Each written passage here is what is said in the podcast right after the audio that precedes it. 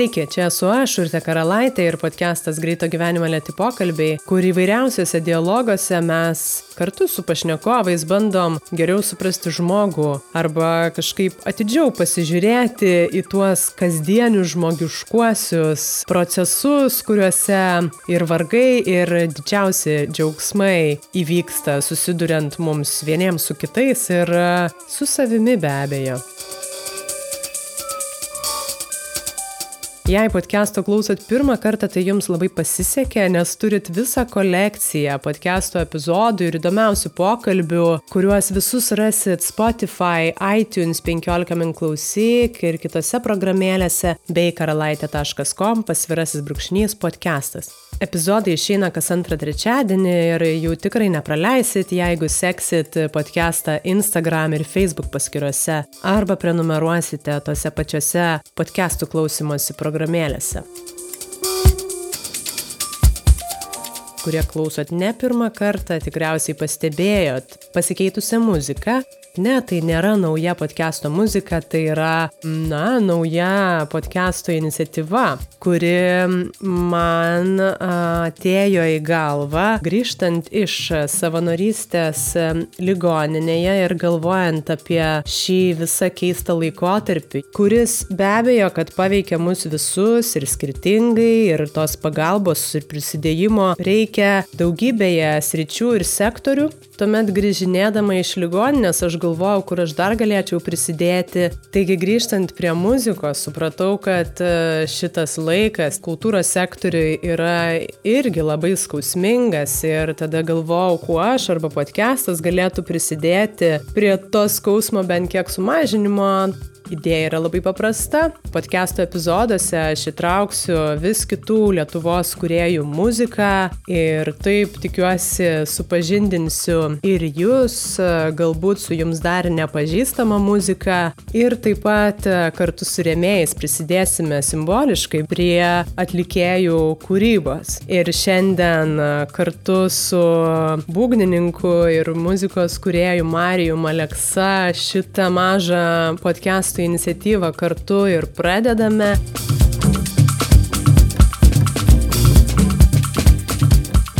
Dabar girdime Marijaus kūrinį Lunar, kuris man asmeniškai labiausiai įstrigo iš jo pirmojo albumo Maps. Daugiau išgirsite pabaigoje arba susiradę Spotify ir kitose platformose.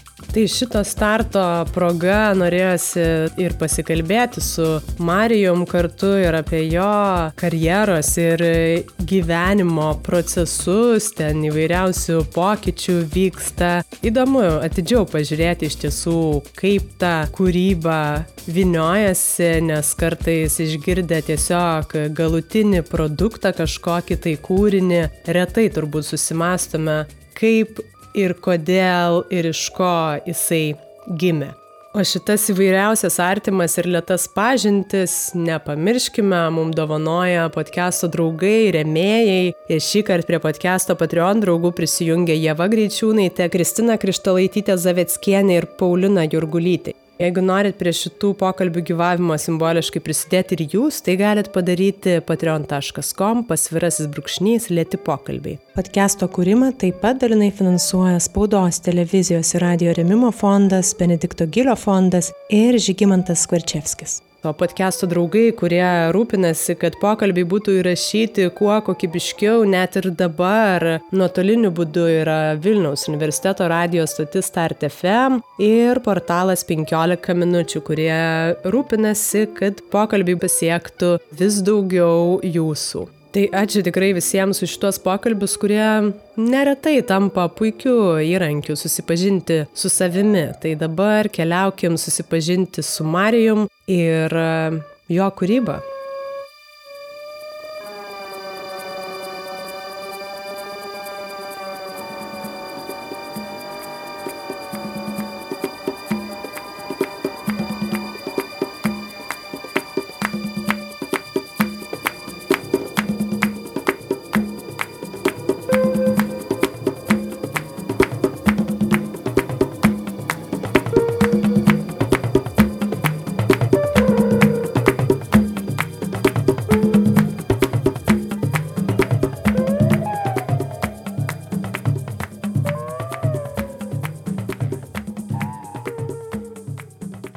Tai man, žinai, įdomu gal pradėti nuo kontrastų. Ruoždamasi vat, pokalbiui su tavim kažkaip pastebėjau, kad galima jų visai tavo gyvenime irgi pastebėti. Tai dabar, kad ir pastarieji metai prieš tai tu lakstėjai po turus koncertus visam pasaulyje, daug žmonių, daug bendų, Ir dabar ir su pandemija, ir, ir sugrįžimu į Lietuvą viskas labai apsiribojo, ar ne? Tu dabar vis tiek esi daug maž užsidaręs su savo kūryba. Tai vad kaip tau sekasi tuose kontrastuose? Sekasi labai gerai, bet su nemažai kuriejų irgi kalbu, arba ten muzikantų. Ir pastebiu tokį, jo, labai didelį kontrastą ir, ir per vidurį nelabai daug yra žmonių. Yra arba daug žmonių, kuriems tiesiog auksinis laikas, kada gali pailsėti, sustoti, apmastyti, kas menininkui bet kokiam yra labai svarbu, išlysti iš to rato va tokio įsibėgėjusio, rutinos kažkokios ir sustoti pagalvoti, gal kažkokius naujus meninius sprendimus e, priimti ar karjerinius kažkokius, o kita žmonių pusė labai ten vat, depresuoja ir jiems labai trūksta to aktyvaus, nu, artistiško gyvenimo kažkokio, ne?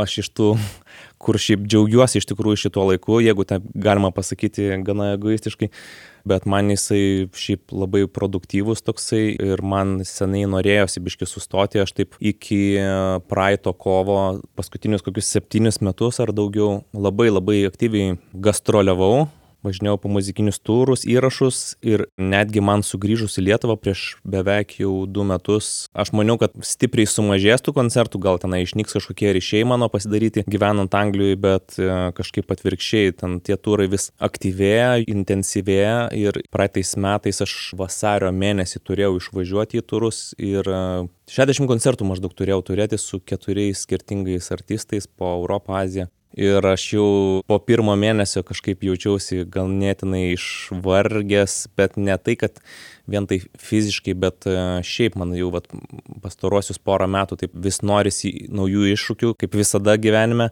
Ir tas naujas kažkoks iššūkis ar, ar atrodo natūralus sekantis žingsnis, man atrodė jau pastaruosius porą metų išbandyti save labiau kaip kūrėjo pozicijoje, o ne atlikėjo ne sidemeno, kaip galima pavadinti, kai sustojo viskas, atsimenu net kelintą dieną, man atrodo, kovo 13, mes Ronnie Scotts Londono džiazo klube tokiam garsiame grojom, atėjau į soundchecką ir sako agentas, kad man atrodo šeštadienis gal buvo, sako pirmadienį, antradienį Olandijos koncertai atkrito ir tada viskas kaip domino pasipylė ir viskas atsišaukė, visi koncertai, visi turai Ir aš taip širdį kažkaip galvoju, kaip gerai.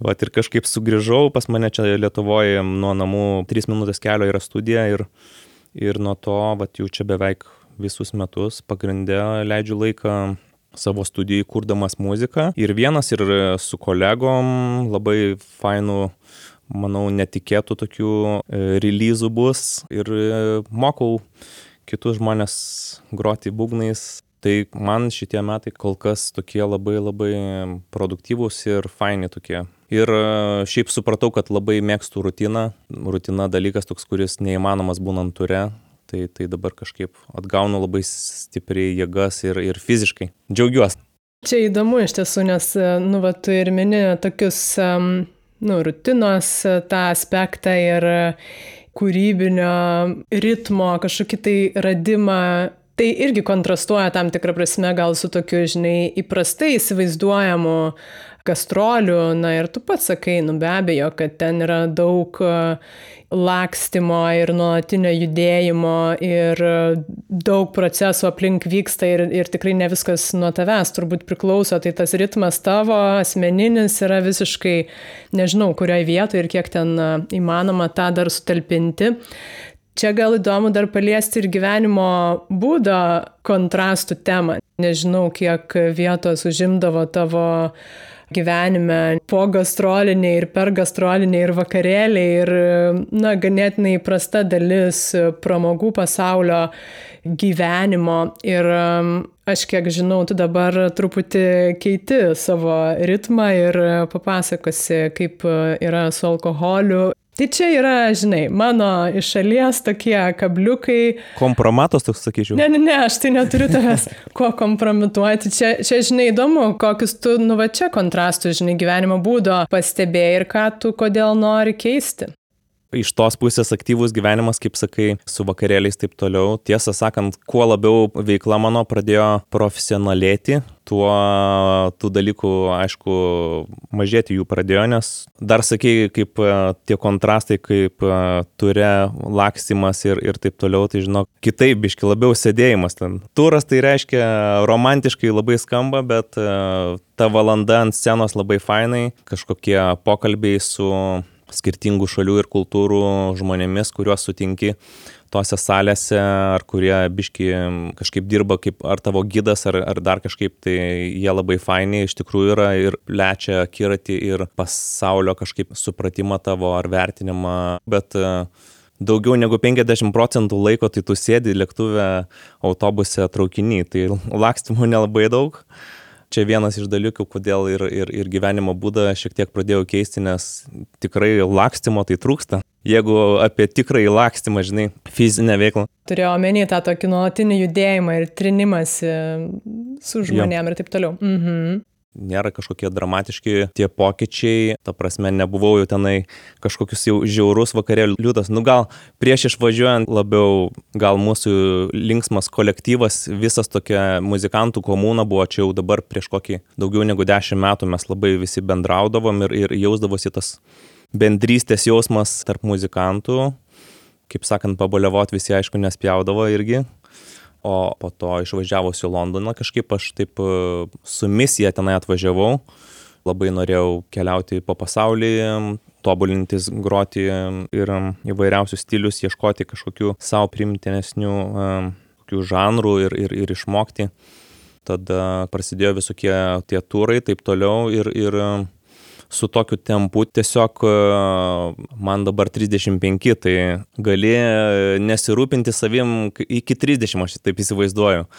O po 30 žiūri, kad nieko kito kažko neveiki, bet tu jau pradedi kažkaip kitaip reaguoti ir neišsimegojimą, ir, ir netgi į, į, į ten porą vyno taurių ar kepsnį 11 vakaro, žinai, vat, atgroji kažkokį koncertą, tarkim, kažkur Prancūzijoje jis pasibaigė, tarkim, 11 vakaro ir tu dar nuo 6, pavyzdžiui, ten ar nevalgęs koncertavai ir tada išeini su visais dar, jeigu pavakarieniauti, ne, suvalgai, jeigu kepsnį, išgirti tenai, jeigu skanaus vyno, neprisigeri tiesiog, ne, bet tu po to, jeigu pamiegi tik tai 3-4 valandas, žinai, ir taip tęsiasi savaitę, nu tai netgi su tokia rutina, tai pradedi, man atrodo, žemyn važiuoti kažkaip pokyčiai tokie atsirado tam reikalas ir jo, išmečiau tiesiog visiškai alkoholio vartojimą ir mėsą, pradėjau medituoti ir viskas tai labai padeda netgi paprasčiausiai praktiškai. Žinai, pavyzdžiui, keliaudamas žymiai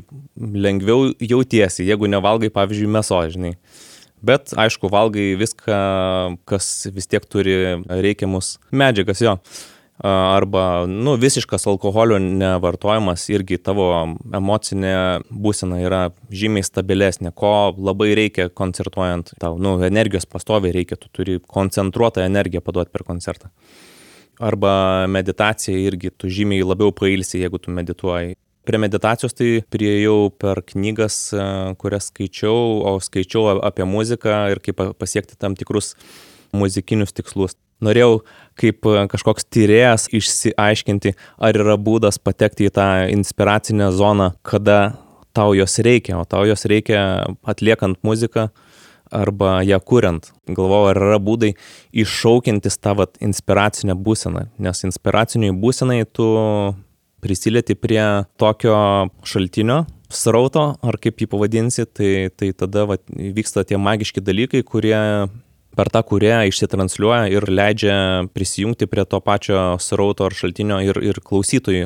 Aš tą vat, epizodiškai pajusdavau, bet jisai toksai atsiranda ir išnyksta ir taip gana nekontroliuojamai. Tai nežinau, čia na, ar control freako, jeigu toks esu poreikis, man norėjosi kažkaip tą dalyką sąmoningai mokėti įsijungti savo diskutuodavau šitą temą su savo kolegomis, kuriuos gerbiu kaip kuriejus. supratau, kad visi, nebūtent vipasanos meditaciją rekomenduoja, bet labai daug kas iš esmės e, rekomenduoja meditacija, ne? Tai technika, kuri gali būti pritaikyta vat, būtent prisikasimui prie savo kūrybinio šaltinio iš širdies, o ne iš minčių. Tai kažkaip viskas savaime susistatė, o paskutiniai pokyčiai, tai aš e, tą tokią jau gana, sakyčiau, griežtą rutiną įsivedžiau į kiekvieną dieną, nu, darbo dienomis, savaitgaliais leidžiu savo nieko nepl neplanuoti, bet va tasai režimas, man atrodo, irgi labai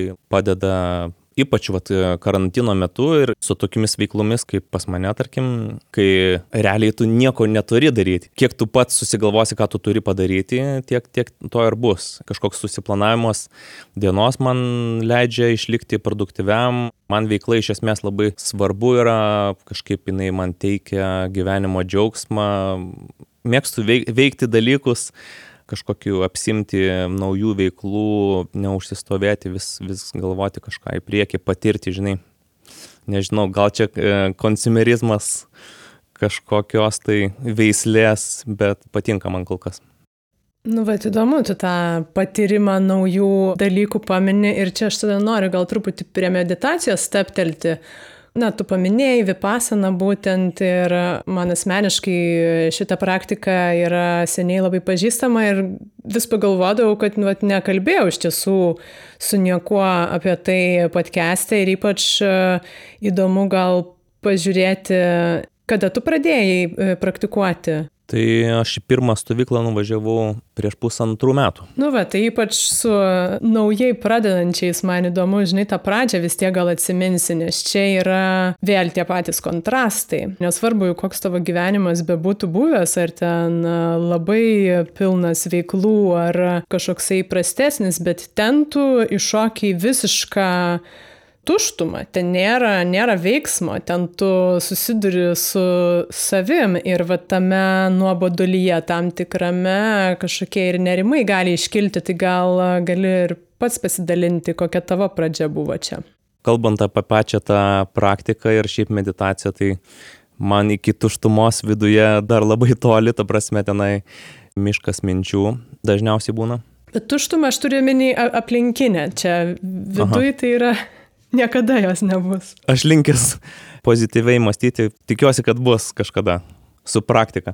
Man atrodo, prašo tam patirtim nes, nesidalinti, nes, žinai, šiaip ant tiek skirtingos tas pas kiekvieną yra patirtis, tavo kažkokia tai patirtis gali tikriausiai netgi kitą žmogų galbūt atbaidyti, o gali būti, kad įkvėpti, o atvažiavus jisai gali nusivilti, kad nepatirs to pačio.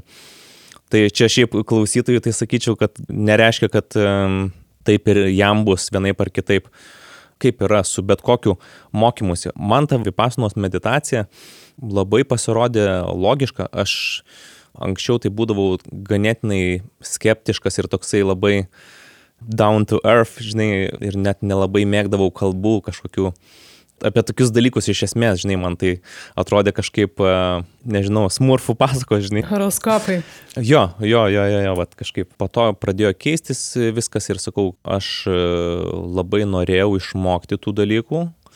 Ir man ten nuobodu visai nebuvo, žinai, aš kažkaip labai entuziastingai tenai kiekvieną dieną jaučiausi iš tikrųjų.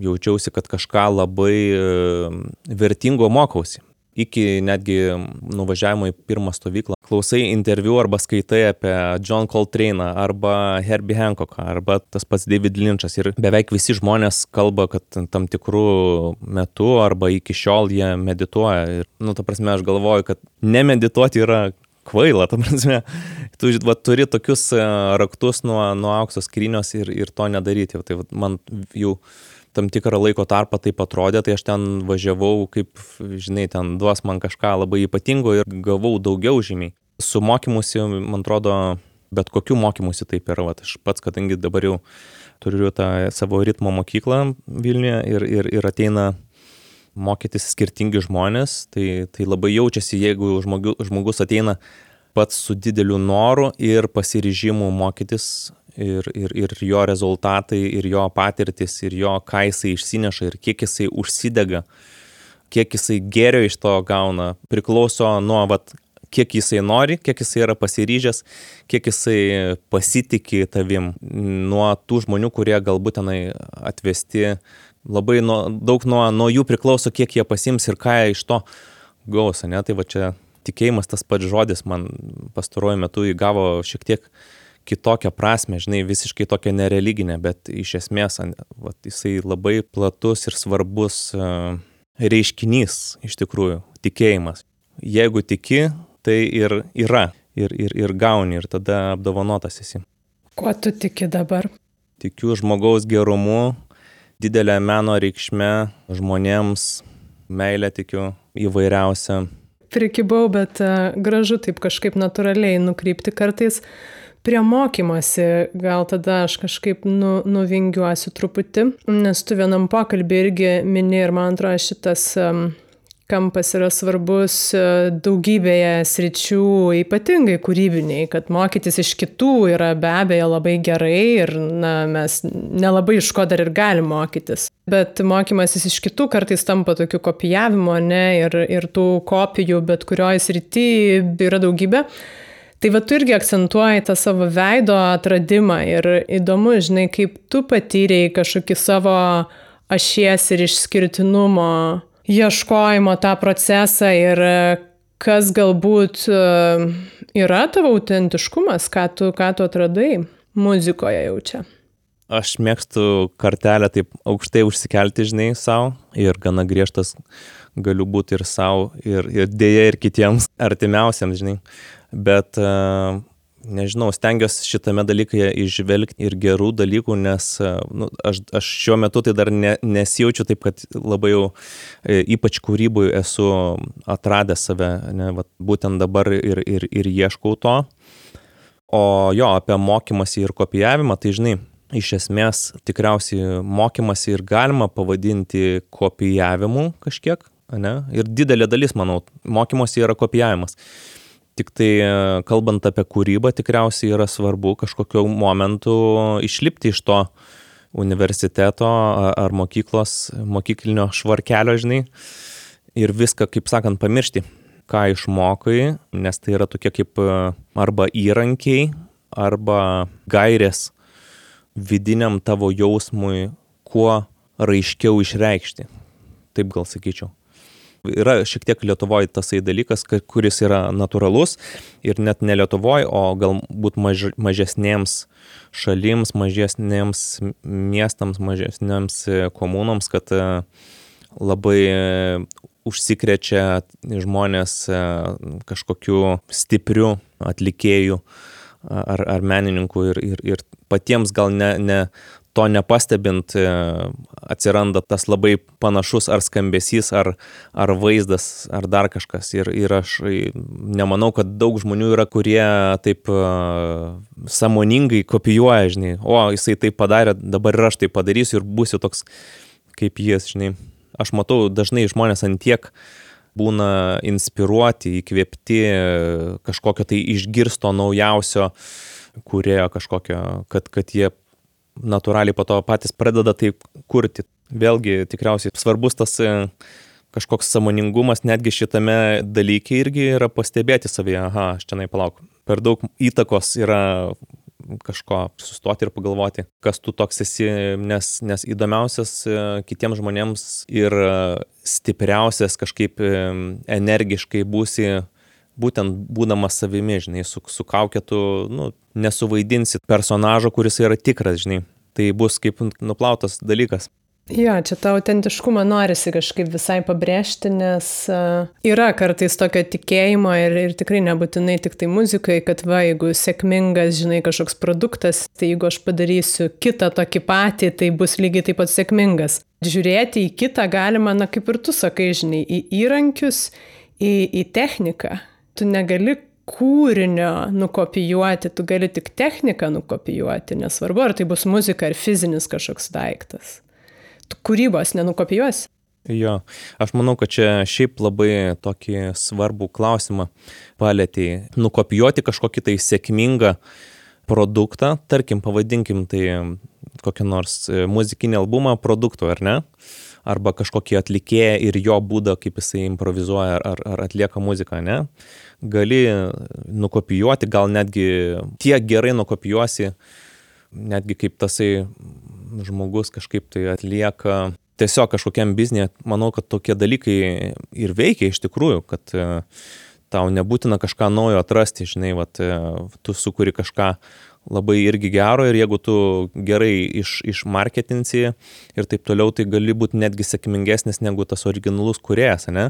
Bet, e, vat, klausimas yra, kas už to slypia, ne? Vat tu sakai, sėkmingas būsi. Tai vat, ar tu kuri dėl sėkmės, ne? to produkto. Ar tu kuri iš širdies, kad tu išreikštum tai, kas vyksta tavo viduje, žinai. Tai vad, man atrodo, čia visų pirma klausimas, man bent jau svarbesnis, žinai, ar tai bus sėkmingas produktas, ar sugebėsi išreikšti, kas ten vyksta tavo viduje, žinai. Šitas gal labiau domina ir aš manau, kad tas dalykas būti turi pirmoje vietoje, ne, o, o jau po to tą sėkmę aišku, mes visi, jeigu esi profesionalus muzikantas ar kitas, kitoks menininkas, tai vis tiek iš to turi gyventi ir, ir dar ar savo meno pardavimą, ar dar kažkaip nieko irgi nematau tame blogo, kad tu tai pardavinėjai ir gali gilintis, kaip tai parduoti ir taip toliau, bet visų pirma, tai manau, turi nuo širdį išraišką įvykti. Vieniems labai natūraliai tai gaunasi, žinai, kažkaip vis tiek aš tikiu, kad E, žmonės e, gimsta su skirtingomis e, dovanomis, talentais ir pas vienus jie yra žymiai stipriau išreikšti negu pas kitus.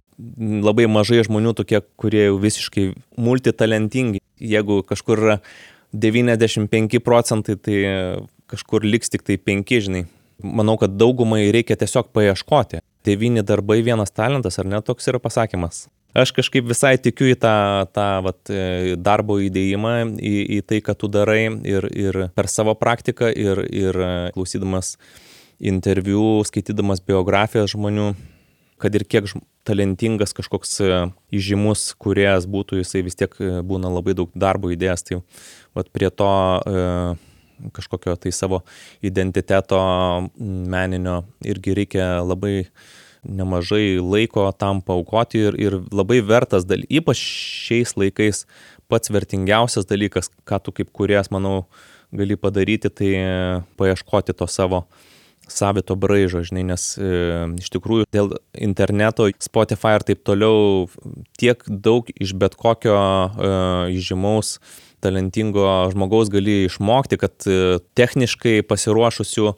atlikėjų, kuriejų, profesionalų tų yra labai labai labai daug, bet e, vis dėlto kažkokių tai vienetų įspūdingų tokių, atrodo, kad gal ir, ir nėra daugiau negu vat, prieš 30 metų, žinai. Vis tiek e, tų tokių labai labai kažkokių kitokių yra jų nedaug. Tai va tas originalumas šiandieninėme pasaulyje ir meno pasaulyje netgi pirmoj vietoj sakyčiau, į ką turėtum tikriausiai atkreipti dėmesį, žinai.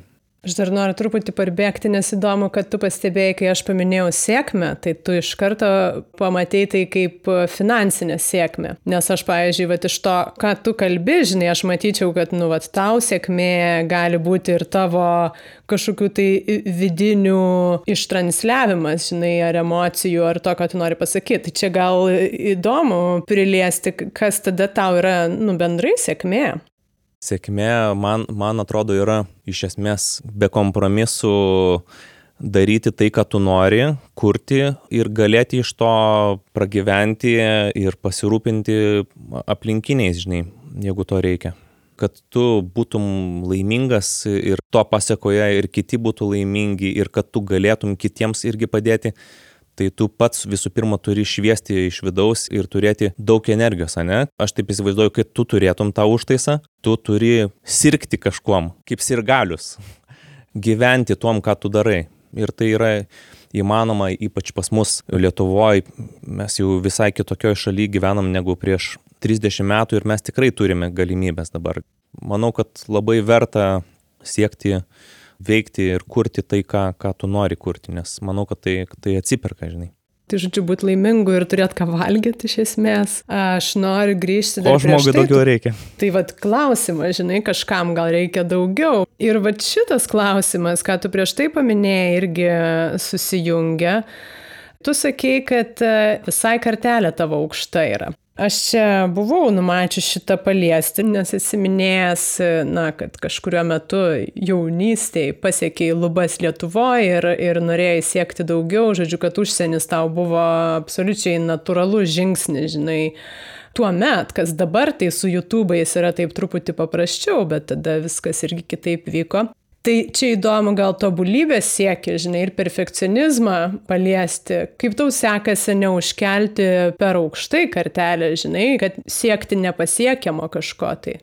Nežinau, ar čia tobulybės siekimas, tai tobulybė, žinai, nėra tobulybės, jinai atvira yra. Mėgavimasis, tobulėjimo kelionė, gyvenimo kelionė, mokymosi, tradimo teikia vat būtent tą džiaugsmą ir aš matau tai kaip gerą dalyką. Negali kažkaip sustoti, sustojimas po to veda į galbūt degradaciją šiek tiek, vat, turi vis tiek, manau, kad tobulintis. Visai tikriausiai svarbu yra tobulintis ir fiziškai, ir dvasiškai, intelektualiai, ir dėl savęs, dėl laimės jausmo, ir dėl aplinkos.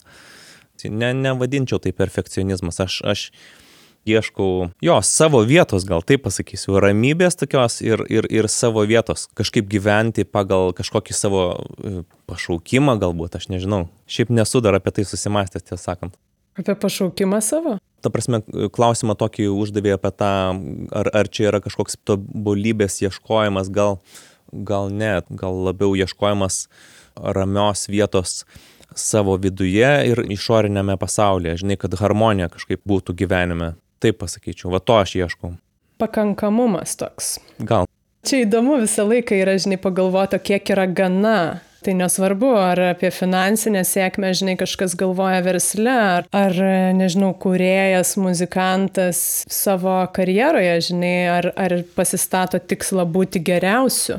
Ne, gal ne, ne, ne toks, žinok, čia tokie praeities labiau būdavo toksai sportiškas azartas, vat, nugalėti, įrodyti kažką. Dabar labiau gana tikriausiai būtų, dabar man taip gal atrodo, kad gana man reikštų harmoningą va tokį gyvenimą, kuriame yra ir pasivaikščiojimų gamtoje ir kiekvieną dieną galėjimas e, kurti ir bendrauti su šeima ir draugais ir paskaityti knygą.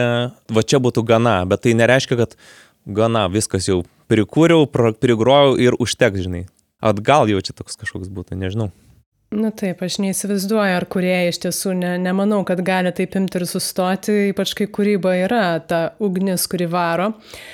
Tai aš truputį noriu kažkaip gal grįžti labai prie vieno tavo esminių, liktai esi minėjęs, kad vienas svarbiausių tavo koncertų, tai aš dėja neatsimenu, su kuo tu ten groji, bet tai yra tas koncertas, kuriam tu turėjai pasiruošti porą valandų, kur, kur susisiekė su tavim ar ne apie šio vakaro koncertą. Tai čia iš tiesų daug susijungia dalykų, ar ne? Ir rizika, ir žiauri atsakomybė, ir pasitikėjimas tavim, ir e, kažkokios įmanomos klaidos, kur tu turbūt irgi turi suvokti, kad tu stačia galva neri į šitą avantūrą. Tai gal gali pasidalinti, va, kaip tu klaidas priimi, kaip tu priimi iššūkį kas tau padeda taip nerti visiškai, nu, ne, negaliu sakyti, kad aklomis, nes e, būgnai e, yra tavo kūno dalis turbūt jau, bet e,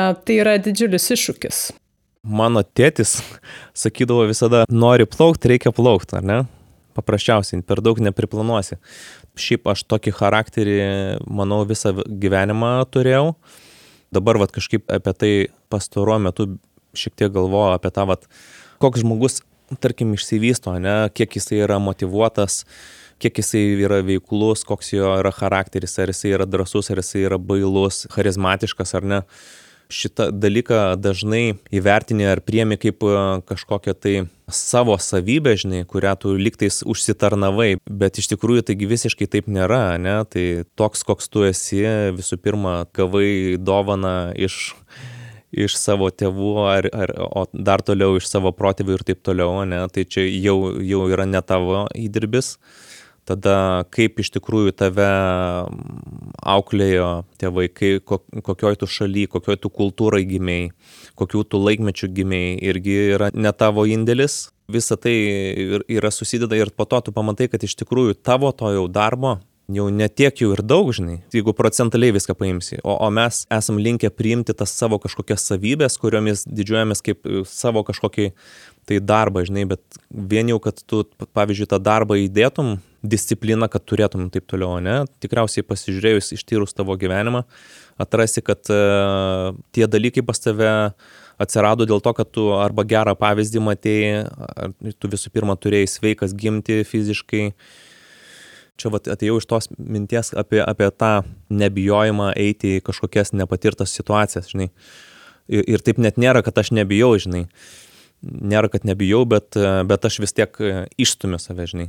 Jo, dabar tai taip jokingai, sulyginus vat, kažkokį, va tokį koncertą, kaip man va, čia prieš metus tiesiog ryte radau e-mailą iš tokio E, žymaus labai trimitininko Keon Harald, menedžerio, kad vat, vakare vyks London džiazo festivalis, kuriame Keonas turi pagrindinį koncertą ir jo būgnininkas užstrigo Atlantoje, neišskrido lėktuvas ir jau nebespės iki koncerto atvykti ir mane pasiūlė, kaip dažniausiai būna, vyksta kažkas, kai, kai pasiūlo apie tave pakalba jau ne vienas žmogus, o ten du ar trys, žinai, tai jisai pasiklausė dviejų ar trijų rekomendacijų iš Londono ten kažkokių gerbiamų muzikantų ir mano vardas ten nuskambėjo ten tose rekomendacijose, dėl to gavau tą e-mailą, žinai. Ir aišku, buvo iš pradžių tasai jaudulys ir toksai, braž, žinai, atvažiuoja labai aukštos klasės muzikantai, visi amerikiečiai, jų biografijas perskaičius, tai ten labai ryškus visi ir galvoji, ta prasme, aš ir jie. Ir aš būsiu labiausiai ne, nepasiruošęs, tai aš būsiu labiausiai, kaip sakoma, on the spot, žinai. Bet kažkaip po to galvoju, ką aš galiu prarasti. Vienas klausimas, kitas, kada tokia galimybė dar pasitaikys, žinai. Ir tada tokioj kritiniai situacijai tu iš tikrųjų labai greitai gali, aš bent jau sugebu kažkaip tikriausiai susikoncentruoti į būtent tą užduotį, žinai, ir ją atlikti, o be to dar ta energija tokia, vis tiek čia yra, žinai, ir jaudulio energija ir visokia.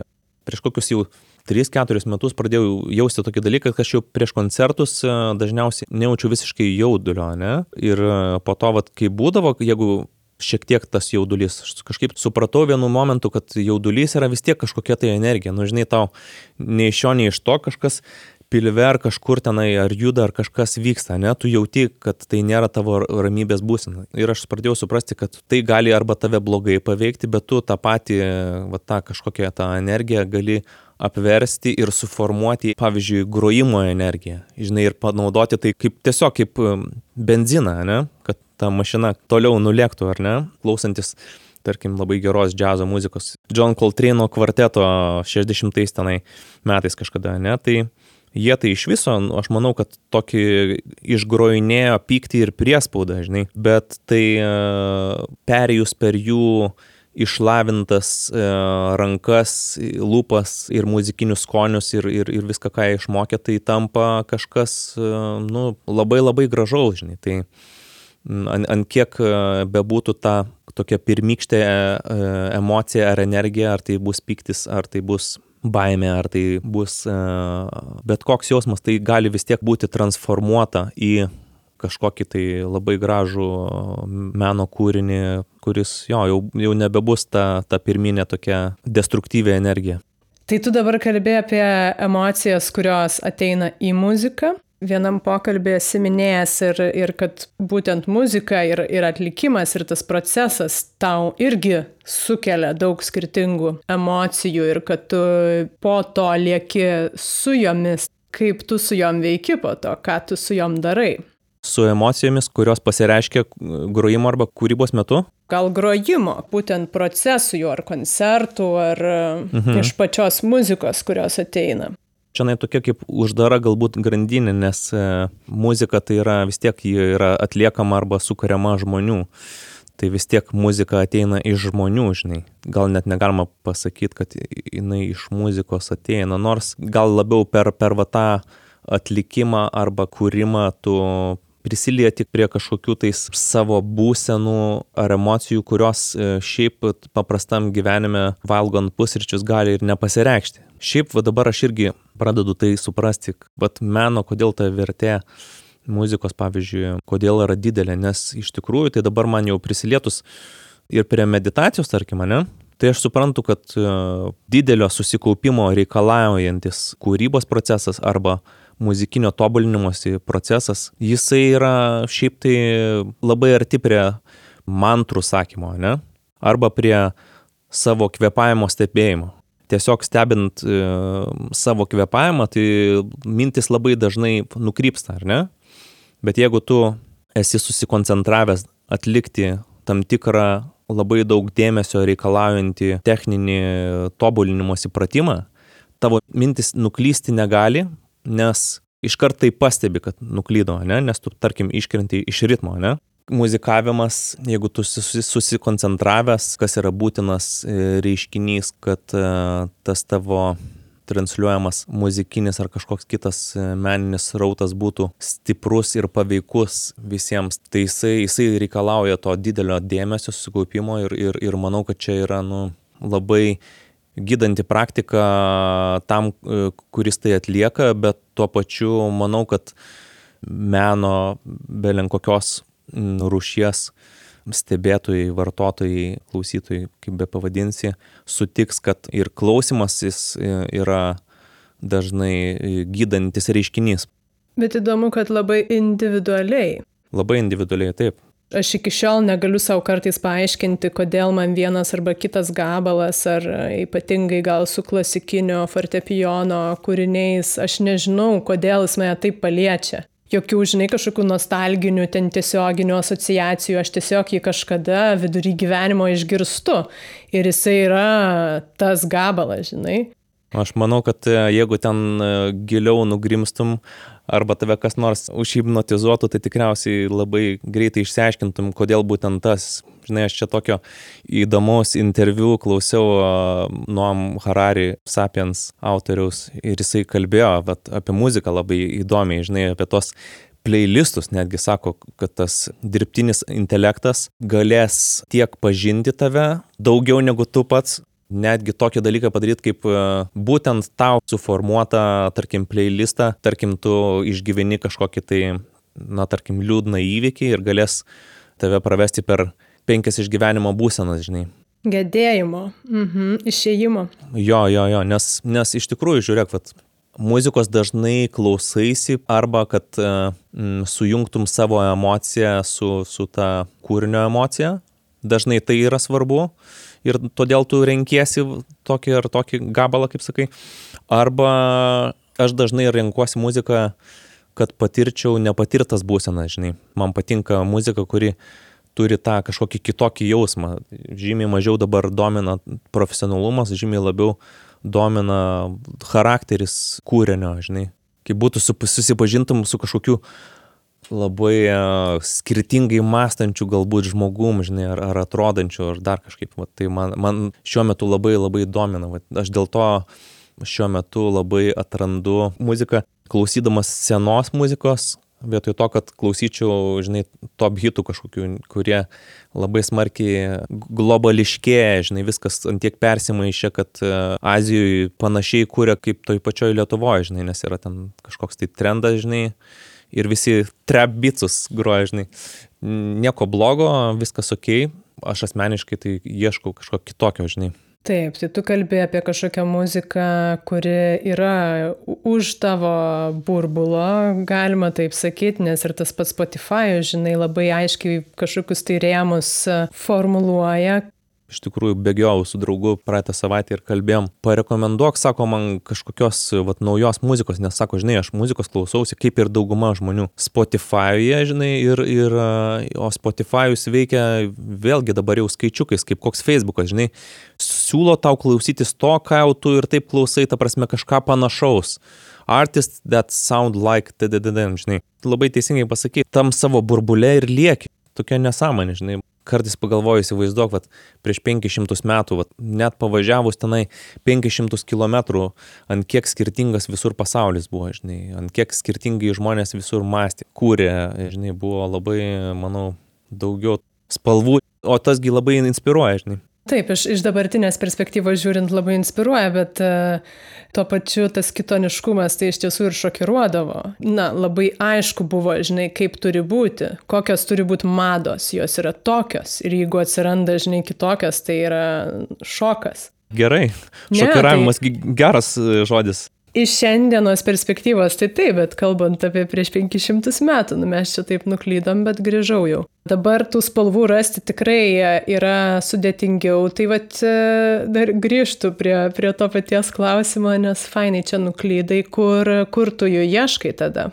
Nu ir ypač šiandien, jeigu vat, ne, nekeliauja ne po visą pasaulį ir esi čia pat vienam taške, tada eini į internetą ir ieškai spalvų.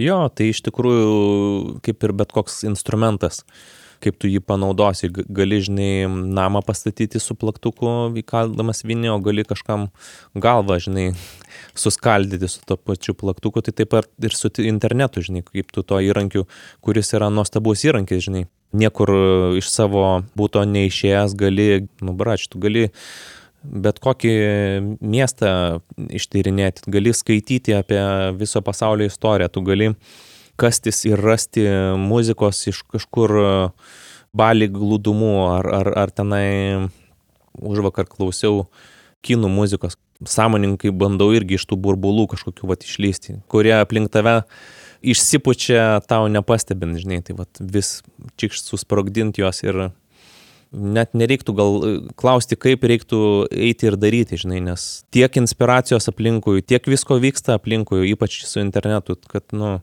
negalima sakyti, kad nerandi. Ta prasme, jeigu ne, sakai, kad nerandi, reiškia neieškojai. Jeigu nori ieškoti, tai atrasi tikrai tą smalsumą savo pasikūrenti.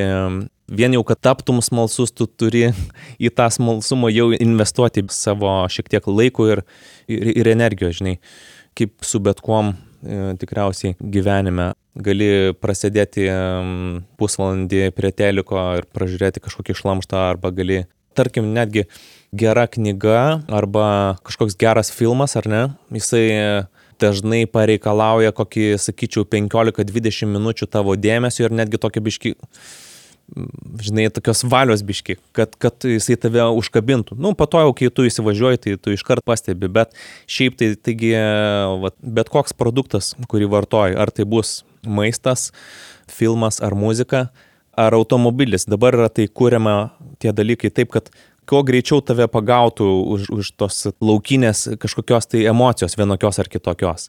Taip visus gaudo, žinai, jeigu, jeigu tai filmas, tai, a, kažkoks siužetas iškart jau tenai kažkas įvyksta, kažkas šaudo ar kažkas ten dar vyksta, kad iš karto tave pagriebtų, ar ne? Ar, ar, ar jeigu maistas, tai kerta iš, iš karto per tavo skonio jutiklius, žinai, kad iš, iš karto to norėtum. Ir ar tai muzika, kai, žinai, jau buvo ir yra pavadintas tas radio formatas. Per 30 sekundžių tu turi jau į priedainį įeiti ir jau pasakyti toj dainoje kažką, kad jau tenai tave paliko, ar tu ten dar kažkas tau atsitiko labai mm, ir viskas, jau tu pagriebtas esi. O produktas, kūrinys, kuris iš tikrųjų tau gali mm, jį patyrus visam mėnesiui tu gali turėti inspiracijos, įkvėpimo ir energijos e, geros. Tai vien jau, kad tu jį suvartotum, kaip pasakyti, tau reikia vis tiek jau, jau savo įdėti energijos ir laiko. Taip, tu čia kalbė apie greitą vartojimą, nesvarbu, ar tai kultūros, ar, ar ten maisto, nu, iš esmės produktų ir apie tokį labiau išliekamąją vertę jo. turinti. Tai vad įdomu, kiek tie produktai, kuriuos mes greitai suklausom ar suvalgom, kiek mes juos atsimenam, žinai, ilgoje perspektyvoje gyvenime. Ir aš manau, kad labai greitai netgi tu tą vad greitą produktą suvalgęs, tu netgi gali po to suvartojimo tu gali nusivilti savimi. Žinai, čia toks kaip, kaip kažkoks narkotiko suvartojimas greito, žinai, greito pajutimo, a, tu jau tame esi, tu pabuvai tame, bet po togi tu ne, nesijauti gerai, žinai, dėl to. Čia jau individualu turbūt, negaliu spręsti už kitus, bet e, vad ką tu čia kelis kartus pamini apie tą, žinai, energijos e, įdėjimą ir pastangų iš esmės ir nuo ko tu pradėjai, čia irgi nuo smalsumo, žinai, kad smalsumas iš niekur galbūt neatsiranda. Ir kai įprantam greitai vartoti arba vat, kad mums muzika būtų paduota, ką padaro Spotify, žinai, ir pasirūpina mano muzika keurą parą, bet taip aš netrasiu nieko naujo. O va tam, kad sakai, ten nuklysti į kažkokią kinų, nežinau, hip hopą, aš turiu jau įdėti pastangas prieimo skirtumas toks, kur žmonės dabar iš tiesų atpratę dėti pastangas, nes viskas juk eina link to, žinai, kad būtų kuo paprasčiau. Taip, taip. Tai pabaigai, kadangi mes čia priplėpėjom visko ir nenoriu trukdyti tavo rutinos, aš neprašau niekada nieko palinkėti pabaigoje, bet aš paklausiu, kur tu pats save norėtum nuvesti, ko tu norėtum dar savo palinkėti. Matai, taip jaučiuosi, kad ilgą laiką žinai, labai susikoncentravęs buvau į, į tikslus ir toliau esu, aišku, bet ir, ir tobulinimus ir taip toliau, bet čia toksai kartais būna ir slidokas kelias. Ta prasme, jisai įtraukia labai ir tu tame gerai jautiesi, bet uh, galbūt gali tapti ir, ir, ir hedonistiška, netgi egoistiška, taip tiesiog gyventi, žinai. Gal savo palinkėčiau tapti labiau žmonių žmogus, empatijos savo galiu palinkėti. Labai nemažai laiko per gyvenimą taip vienas visur eidavau, žinai, vat kažkaip tikriausiai irgi dėl, dėl tų tokių norų vis pamatyti kažką, pasiekti naujo, bet ir, ir dažnai tada tu vis palieki tam tikras žmonių kažkokias tai grupės. Taip tiesiog įvyksta, žinai. Gal dabar jau norėtųsi palinkėti savo labiau į išorę, duoti daugiau galbūt. Išsicentruoti. Mažiau apie save. Tai labai gražu. Aš žinau, kad tavęs reikia šito paklausti. Nežinau kodėl. Tai e, ačiū Marijau, man atrodo, kad mes tikrai daug čia skirtingų kampų palėtėm, tai e, šį kartą tiek, kada nors e, gyviau ir prie būgnų gal pratesim pokalbį. Būtinai.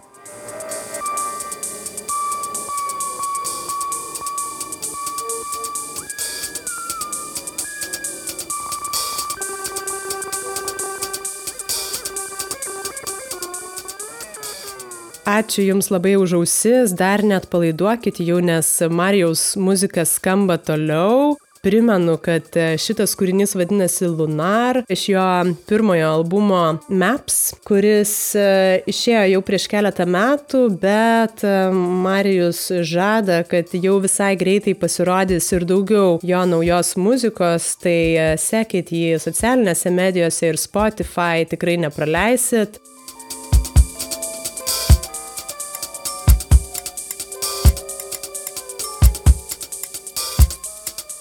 Jeigu norim plaukti, turim ir plaukti. Man šita paprasta ir tokia taikli Marijaus tėčio mintis labai įsiminė. Turbūt dėl to, kad man asmeniškai jinai labai aktuali ir pabrėžia tai, ką turime daryti ir ne, nepaleisti šitos ašies. Kartu įstrigo ir tai, kad mes nesame savo pačių kūriniai, kad ir kaip norėtume gal kartais galvoti, greičiau visos aplinkos, per kurią ėjome ir einame, sumaišyta tokia mišrainė tai galim ieškoti, kaip įdarbinti tas ypatybės, kurias turime ir atsinešėme.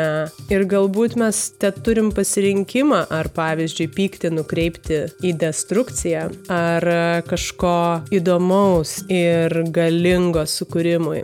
Naujų epizodų nepraleisit, jeigu seksit podcastą Instagram ir Facebook paskiruose, arba prenumeruosit į audio platformose. Primenu, kad jie išeina kas antrą trečiadienį, o podcast'o kurį kūrimą dalinai finansuoja spaudos, radio ir televizijos rėmimo fondas, Benedikto Gylio fondas ir tikrai labai daugybė jūsų. Tai auginkim tą mūsų apkalbėtą smalsumą, nepamirškim nuolat dėti pastangų, nes lengvai turbūt niekas tiesiog neįvyksta, kad ir kaip norėtų mūsų aplinka ar nežinau, dabartinis vartojimo mechanizmas mus tuo įtikinti, išsicentruokim ir tiesiog mėginkim nesustoti. Su jumis podcastas Greito gyvenimo lėti pokalbiai ir aš Urte Karalaitė. Fone vis dar girdit Marijaus Aleksos kūrinį Lunar. Iki kitų kartų.